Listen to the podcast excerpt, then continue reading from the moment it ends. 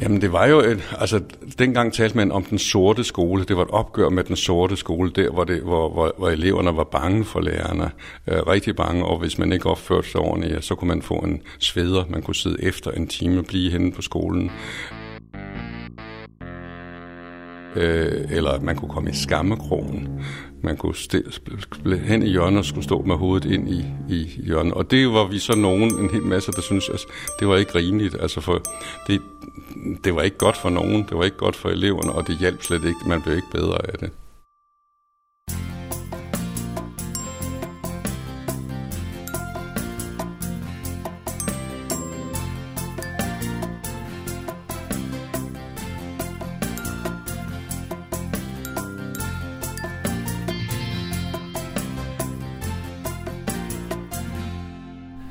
Jeg var lille dreng i 70'erne.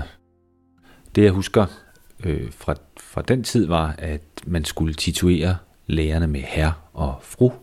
Hvis man skulle spørge om hjælp, så var det for mit vedkommende fru Schmidt, eller fru Schneider, eller herr Hins. De hed sjovt nok alle sammen noget tysk efternavn. I virkeligheden så gik 70'erne ind gennem skolegården en gang i 6. klasse, da, jeg, da det var, det var sådan 69 eller sådan noget hvor der kom den første hippie kom gående ind, og det var Kurt, som var en ny dreng i klassen. Kurt han havde sådan nogle bukser med svej i, og så stillede han spørgsmål om alle mulige ting.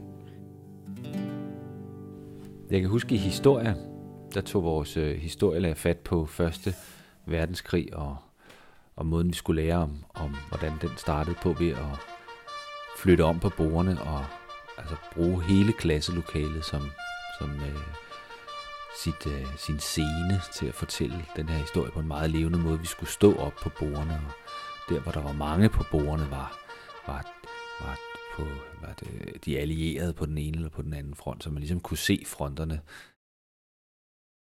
Og det næste, der skete, som også var lige sådan i starten der, var, at vi fik en ny musiklærer, fordi før havde vi spillet på blokfløjte sammen med Holgersen. Pludselig så kom fru Hjort, og fru Hjort, hun så slet ikke ud ligesom de andre lærere med sådan, hun havde ikke sådan en lidt grålig spacerdragt og sådan en pæn tøj. Hun havde læbestift, kort øh, kjole og vepsetalje. Og så spillede hun på klaver.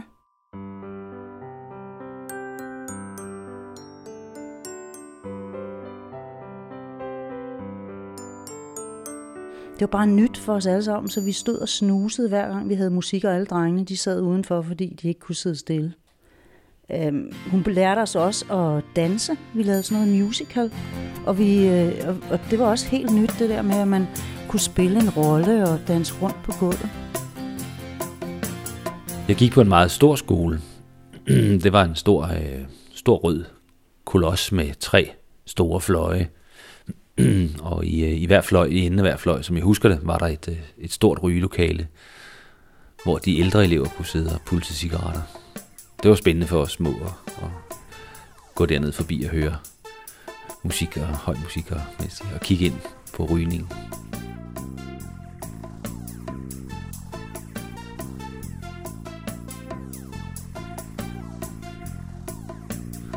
Og lærerne røg også. Jeg kan huske vores matematiklærer, fru fru Schneider, hun røg, og, og for at kamuflere det, så spiste hun gajoler.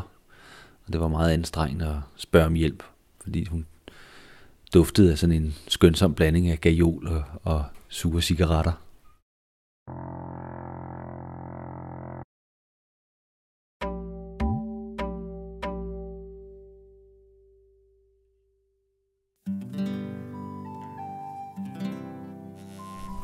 Jeg var flipper, og det var det eneste rigtige at være dengang.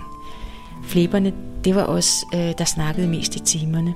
Vi diskuterede med læreren, og vi syntes selv, vi var politisk aktive imod atomkraft, imod oprustning.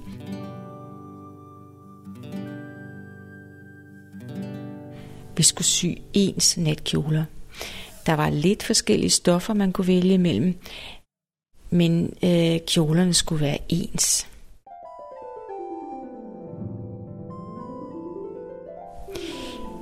De havde elastik i halsen, og så var de kæmpe store, altså uformelige, nærmest en slags telte. Øh, men der var én ting ved dem, der var rigtig godt, og det var, at de var lavet af sådan noget blødt meget blødt flonel. Og når jeg spiste morgenmad sammen med min mor og far, så elskede jeg at trække benene op under natkjolen. Jeg kunne have hele min krop derinde. Det var ligesom at have sit eget sneglehus. Så kom jeg i 8.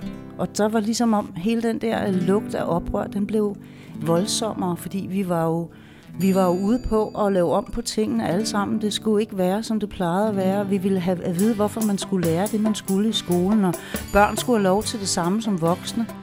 Så, øh, så hvis vi ikke kunne se nogen mening med tingene, så gjorde vi ligesom vi gjorde i fysik. Så lavede vi en sit-down-strække, hvor vi skrev, at det vi ville ikke øh, på nogle skilte, vi ville ikke være med til at have fysik, hvis vi ikke forstod, hvad det skulle bruges til.